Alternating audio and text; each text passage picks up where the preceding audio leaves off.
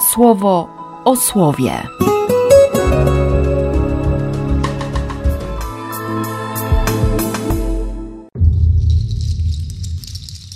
Dwudziesty ósmy czerwca, poniedziałek. Z Księgi Rodzaju. Potem ci mężowie wstali i udali się stamtąd w stronę Sodomy i Gomory. Abraham poszedł z nimi, aby ich odprowadzić.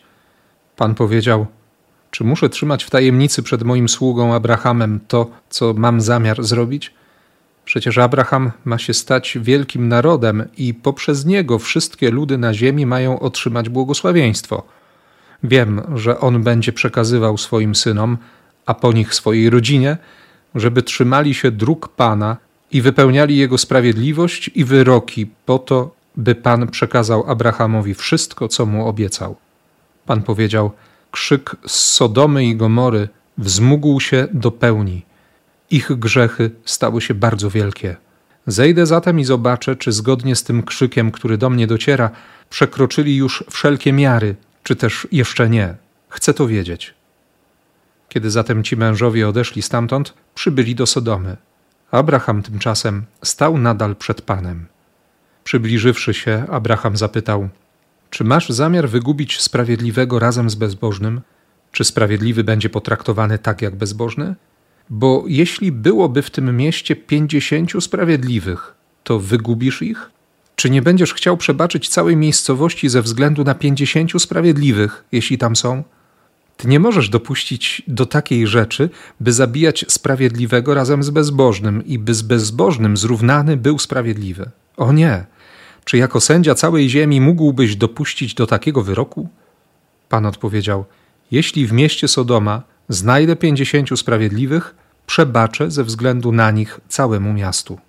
Na to Abraham rzekł: Chciałbym od nowa przemówić do Pana, choć ja jestem mułem ziemi i prochem. Gdyby do tych pięćdziesięciu sprawiedliwych zabrakło pięciu, czy z powodu braku tych pięciu zniszczysz całą miejscowość? Odpowiedział: Nie zniszczę, jeśli znajdę tam czterdziestu pięciu. Znowu odezwał się do niego, mówiąc: A jeśli tam znalazłoby się czterdziestu? Odpowiedział: Nie zniszczę ze względu na tych czterdziestu. Wtedy zapytał: A czy wolno mi, panie, jeszcze zapytać, gdyby tam znalazło się trzydziestu? Odpowiedział: Nie zniszczę, jeśli znajdę tam trzydziestu. Kolejny raz zapytał: Skoro wolno mi rozmawiać z panem, to gdyby tam znalazło się dwudziestu? Odrzekł: Nie zniszczę ze względu na tych dwudziestu. A on znowu się odezwał: Czy nie będzie to niewłaściwe, jeśli jeszcze raz zapytam: A jeśli znalazłoby się tam dziesięciu? Odpowiedział: Nie zniszczę przez wzgląd na tych dziesięciu. Po zakończeniu rozmowy z Abrahamem, pan odszedł. Abraham wrócił do siebie. Z Ewangelii według świętego Mateusza. Gdy Jezus zobaczył tłum wokół siebie, kazał odpłynąć do drugiego brzegu. Wtedy pewien uczony w piśmie podszedł do niego i powiedział: Nauczycielu, pójdę za tobą dokądkolwiek się udasz. Jezus mu odpowiedział: Lisy mają nory i ptaki z przestworzy gniazda, a syn człowieczy nie ma na czym głowy oprzeć. Inny jego uczeń odezwał się do niego: Panie, pozwól mi najpierw pójść, by pogrzebać mojego ojca. Jezus mu odpowiedział: chodź za mną i zostaw umarłym grzebanie swoich umarłych. To jest relacja. Bóg dzieli się swoimi tajemnicami z Abrahamem, a ten cały czas uczy się tej relacji. I teraz zaproszenie do modlitwy wstawienniczej. Skoro Abraham ma być ojcem wielu, ma się stać wielkim narodem, to, to musi się nauczyć modlić. Jasne, że tam jest jego bratanek. Tam mieszka. No bez względu na to, jaki jest lot i jak bardzo patrzy przez różowe nomen omen okulary na całą sytuację w Sodomie czy Gomorze.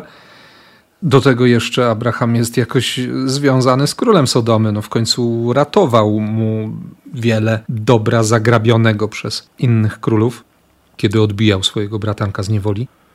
Wydawałoby się, że mógłby poprosić nawet o życie tego jednego sprawiedliwego albo o ocalenie całego miasta. Tylko Dobrze jest wiedzieć też, że dla tamtych ludów i w tamtym czasie, zarówno w czasach, o których mówi Księga Rodzaju, jak i w czasach, w których powstała Księga Rodzaju, przynajmniej te rozdziały o historii Abrahama, było jasne, że potrzeba dziesięciu rodzin, a właściwie dziesięciu ojców rodzin, żeby założyć miasto, żeby ta wspólnota miała szansę zafunkcjonować i przede wszystkim, żeby wybudować w tym miejscu, w tym mieście miejsce kultu. Dziesięć rodzin, dziesięciu ojców rodzin, żeby wybudować synagogę, żeby się gromadzić, żeby słuchać Boga, bez względu na miejsce, bez względu na miasto. Abraham zaczyna od pięćdziesięciu sprawiedliwych, od pięćdziesięciu sprawiedliwych ojców. Bóg mówi w porządku. A może czterdziestu pięciu, a może czterdziestu, trzydziestu, dwudziestu, dziesięciu? Jeśli byłoby dziesięciu sprawiedliwych, to, to istnienie miejscowości jest jeszcze jakoś uzasadnione. Jeśli nie będzie dziesięciu, to no właśnie, usłyszelibyśmy jutro, gdyby nie uroczystość apostołów Piotra i Pawła co się dzieje z tym jedynym, w pewnym sensie sprawiedliwym, albo przynajmniej składającym się ku Bogu, a może właśnie ze względu na jego koneksję, czy po prostu bycie rodziną z Abrahamem, a może szczególnie na modlitwę wstawienniczą Abrahama, że Lot zostanie wyciągnięty mocno za ręce, chwycony za ręce przez tych dwóch aniołów i wyprowadzony z Sodomy. To jest dziewiętnasty rozdział Księgi Rodzaju. Gorąco polecam. To bicie się z myślami, ta tęsknota za przestrzenią opływającą w grzech. Trudne to jest słowo. Mnie osobiście daje, daje dużo do myślenia i zadaje konkretne pytanie też o, o moje grzechy. Cały czas mobilizując do tego, żeby, żeby schodzić albo zawracać z drogi śmierci, wybierać drogę życia, wybierać drogę Abrahama. Mogę nie rozumieć, ale, ale chcę wierzyć. To, co wczoraj Jezus powiedział Jairowi. Bylebyś wierzył. Nie bój się. Bylebyś wierzył. Więc mocno proszę o wiarę. Tym bardziej, że ta dzisiejsza Ewangelia równie mocno wskazuje na wybór, którego dokonuje Jezus. Minie trochę czasu, zanim apostołowie na ostatniej pasrze usłyszą od Jezusa: To nie wy mnie, ja was wybrałem. Tutaj jakiś uczony w piśmie przychodzi, bo chce sobie wybrać teraz nowego nauczyciela. Pójdę za tobą. A Jezus mówi: No nie ma klinę, nie ma poduszki, bo to nie chodzi o jakiś wybór teraz, na chwilę, znudzi się albo, albo stwierdzę, że, że już nie, to wybiorę sobie innego nauczyciela. Będę próbował, będę przechodził ze szkoły do szkoły. Nie? To tak nie działa. Dzisiaj Ireneusz to też mocno pokazuje gorliwość w objawieniu, w obronie, nawet pewna zaciętość, zapalczywość w apologii Kościoła. Błędy gnostyków mnożą się jak grzyby po deszczu. Ireneusz uzasadnia, daje dowody, dyskutuje, przekonuje, że Kościół Jezusa Chrystusa, Kościół apostolski, jest tym miejscem, tą przestrzenią, tym organizmem, w którym działa łaska działa pełnia łaski. A w Ewangelii jeszcze jakiś uczeń. Panie, pozwól mi najpierw pójść, by pogrzebać mojego ojca. Co to jest to najpierw? Absolutnie Jezus wcale nie jest bezduszny. Nie chodziło tylko o sprawne odprawienie pogrzebu. Może ten uczeń miał na myśli, że, że on jeszcze przez rok zostanie ze swoimi bliskimi, żeby, żeby ten drugi pogrzeb odprawić. A może po prostu był spętany tą śmiercią, Jezus jest bardzo konkretny i też czeka na konkrety. To, co powiedziałem przed chwilą, jest dla mnie samego niekoniecznie wygodne, albo po prostu bardzo niewygodne, ale, ale skoro mamy taką Ewangelię i widzimy wcześniej Jezusa, który bierze wszystkie słabości, zabiera wszystkie choroby, on jest tym, który, który naprawdę rozdaje życie. Więc po co tkwić w śmierci? Wczoraj w Ewangelii u Marka było o tym zaschnięciu źródła krwi i potem ten rozkaz wobec dwunastoletniej córki Jaira. Wstawaj, nakazuję ci. Wyrwał ją ze śmierci.